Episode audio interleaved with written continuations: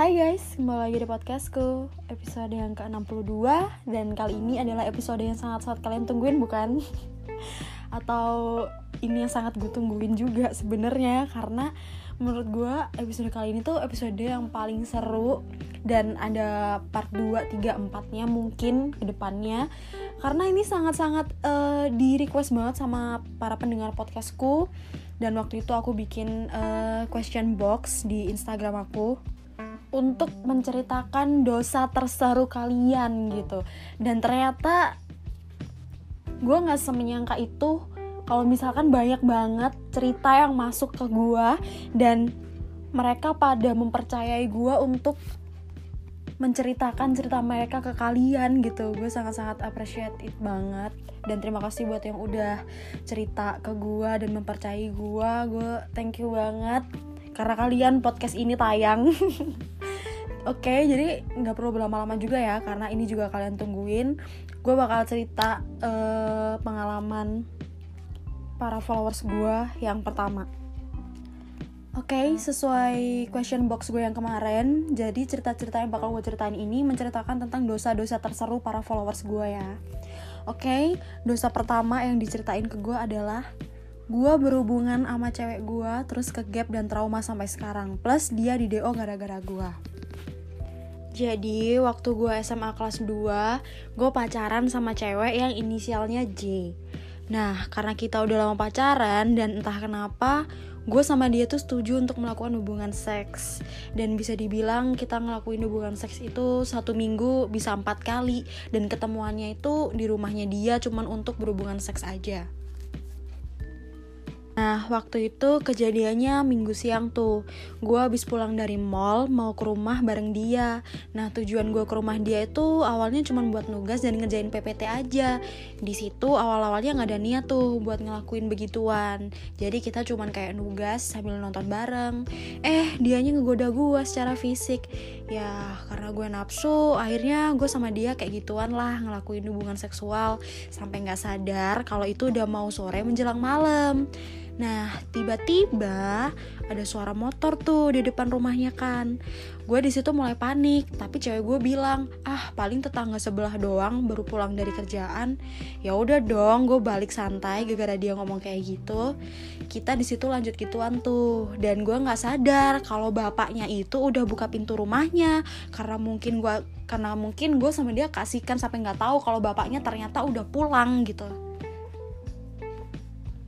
Nah, terus pas gue masih berhubungan sama dia dan udah mau klimaks, bapaknya buka pintu kamar cewek gue dong. Kegep lah tuh gue di situ. Gue panik banget anjing dan di situ posisinya gue masih berhubungan dan kita masih sama-sama full telanjang gitu. Habis itu bapaknya langsung kayak teriak gitu nama cewek gue. Dan di situ bapaknya ngamuk sengamuk-ngamuknya dan gue di situ cuma bisa diem aja gue lihat cewek gue kayak diomelin gitu dan ditanya-tanyain udah pernah ngapain aja? Terus bapaknya dia ngabarin lah tuh emaknya cewek gue di telepon dan cewek gue makin nangis karena dimarahin lewat telepon juga. Nggak lama kemudian bapaknya suruh gue buat telepon orang tua gue dan disuruh ketemuan di rumahnya cewek gue nah parahnya pas gue telepon ortu gue ortu gue tuh nggak apa kayak nggak percaya gitu kalau gue tuh melakukan hal tersebut. Orang tua gue ngiranya gue tuh bercanda sama teman-teman gue Nah akhirnya setelah 15 menitan lebih Mami gue baru percaya Dan baru sampai ke rumah cewek gue 20 menitan lebih Sehabis gue telepon dia Nah, nggak lama mami gue sampai barengan sama mami cewek gue. Di situlah gue ngumpul tuh keluarga gue sama keluarga cewek gue. Ditanyain udah pernah ngapain aja, udah berapa lama kayak gini. Di situ juga mami gue disuruh tes keperawanan gitu ke cewek gue biar lebih percaya. Soalnya mah dia taunya gue di rumah tuh kayak orang nolep gitu, kayak nggak pernah sosialisasi dan apa. Dan mami gue tuh nggak percaya kalau misalkan gue tuh bisa-bisanya melakukan hal tersebut bersama cewek ini gitu. Jadi ngobrol panjang lah di situ orang tua kita.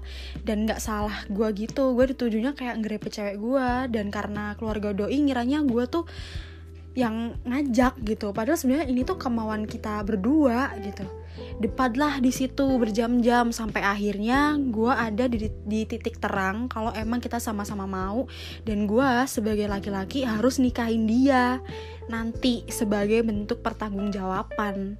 Dan ya udah habis itu kayak gue minta maaf gitu intinya damai lah gitu dan sesuai kesepakatan kalau gue harus nikahin dia suatu saat nanti setelah beberapa bulan kemudian, tiba-tiba kasus itu terdengar sampai ke telinga guru-guru dan langsung lah cewek gua dipanggil ke BK. Padahal kan udah damai. Di situ ortu dia dipanggil juga tuh dan gua nggak tahu kenapa malah nggak dipanggil. Padahal gue juga terlibat gitu. Seharian dia di BK akhirnya dia pas pulang ngechat gue tuh. Dia bilang kalau dia tuh di do dari sekolah. Gue di situ bingung kenapa dia di do sedangkan gue didiemin aja. Dan gue juga sebetulnya kan ikutan dalam kasus itu tapi kenapa cuma dia aja yang di do gue enggak gitu. Dan gue juga bingung kenapa berita ini tuh bisa sampai ke telinga orang sekolah gitu. Siapa yang ngasih tahu? Tapi gue rasa kayaknya ortu gue nyogok duit deh ke sekolah supaya gue tuh nggak di do gitu. Nah terus sampai sekarang keluarga dia tuh benci banget sama gue dan ya karena masalah itu gue diawasin ketat. Plus hp gue selalu dicek terus deh. Pokoknya ribet banget dah waktu itu. Sayangnya gue putus sama dia sekitar lima bulanan deh setelah itu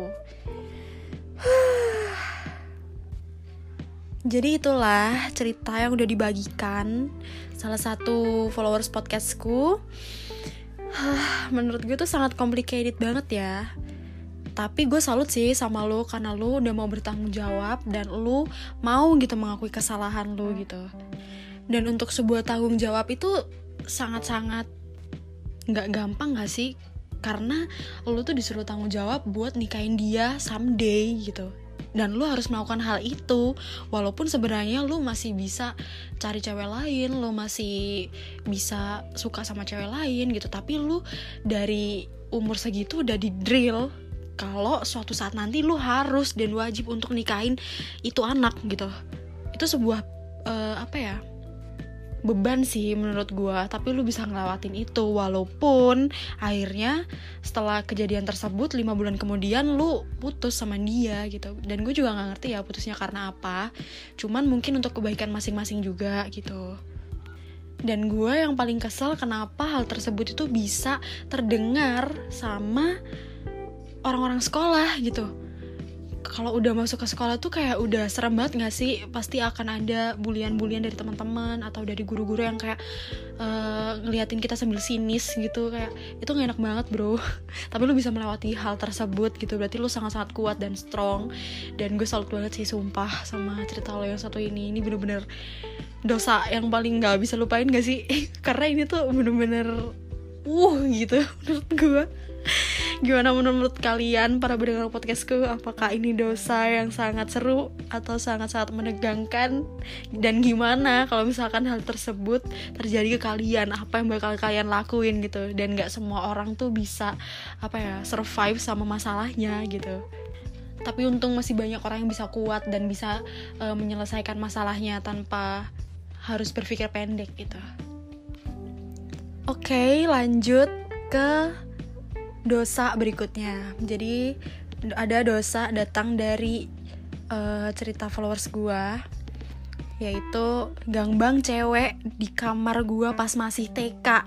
Gila nggak tuh lu masih TK gangbang cewek gila banget. Tapi langsung aja ke ceritanya. Jadi waktu itu kan keluarga ada acara, jadi rumah itu lagi sepi. Nah, gue sama teman gue, cewek cowok, main lah tuh di rumah gue. Terus tiba-tiba teman gue kayak pelukan gitu sama si temen ceweknya. Awalnya sih gue liatin doang, eh lama-lama pengen juga. Akhirnya gue lepas lah tuh baju dia sama baju gue. Terus gue masukin punya gue ke punya dia, tapi punya gue belum sunat. gue giliran tuh sama teman gue kadang gue jilmekin dia tapi memeknya bau jadi cuma 5 detik doang Kenapa gue bisa gituan? Karena gue sering nonton bokep dan akhirnya ibunya si cewek datang dan gue langsung sembunyi. Hampir ketahuan sih. Dan setelah itu si cewek malah ngajak lagi besoknya. Dah segini doang dan gue saat itu goblok banget bisa-bisanya masih TK udah mikir kayak gitu. Astaga. Oke, okay dan awalnya gue masih bingung ya kenapa anak sekecil itu tuh bisa melakukan hal tersebut? Eh ternyata dia dari kecil tuh udah kecanduan bokep gitu jadi dia tahu. Dan gue nggak habis pikir kenapa si ceweknya juga tuh bisa ngerti gitu dan bisa minta lagi dan ngajak lagi gitu. Nggak habis pikir anak TK melakukan hal tersebut gitu. Tapi emang sih ya kalian ingat gak sih waktu kita masih kecil dulu uh, tayangan kita tuh masih kurang diawasi gitu gak sih sama KPI gitu buat anak-anak? Itu kayak kurang diawasi dan lain-lain. Dan emang banyak banget gak sih yang kayak uh, kuis-kuis malam yang ngeliatin teteknya dan lain-lain gitu. Masih banyak banget yang belum disaring dulu. Terus kayak Julia Perez masih pakai baju seksi dan bisa tayang di TV itu dulu kan masih banyak gitu. Dan itu mungkin juga penyebab eh, anak-anak kecil tuh juga bisa nonton gitu. Karena dulu masih belum bisa disaring gitu. Masih kurang lah gitu intinya. Dan dulu juga uh, bokep-bokep itu masih bisa berkeliaran di YouTube, di website. Itu masih uh, easy banget buat ngakses gak sih? Jadi ya banyak anak kecil yang keracunan bokep sedari kecil gitu. Oke, okay, next langsung aja kita masuk ke dosa berikutnya. Gue bayarin temen gue PSK, tapi gue bohongin sebenarnya itu waria. Coba sih kalau kalian punya temen yang kayak gini Halal banget buat kalian gebukin ya Karena ini nyebelin banget sih Tapi langsung aja kita masuk ke ceritanya Jadi gue punya temen Dia tuh masih perjaka. Dan circle-nya dia itu bangsa semua jadi kita mau hadiahin. Karena dia mau ulang tahun kita saranin dia buat uh, melepaskan keperjakaannya. Dan kita mau sewa PSK gitu buat dia. Dan dia akhirnya mau gitu. Dan akhirnya dia milih-milih lah tuh. Milih-milih cewek di online. Terus ada yang dia suka. Oke okay lah hari ini kita pesenin. Kita sewain hotel. Dan pas dia udah masuk ke dalam hotel dia kaget. Ternyata uh, yang kita sewa tuh waria gitu. Emang sih yang kita sewa tuh waria tapi yang cantik banget. Tapi masih ada tititnya alias belum potong warianya. Singkat cerita karena dia bilang dia udah kentang banget dan udah terlanjur akhirnya dia sikat juga lah tuh warianya.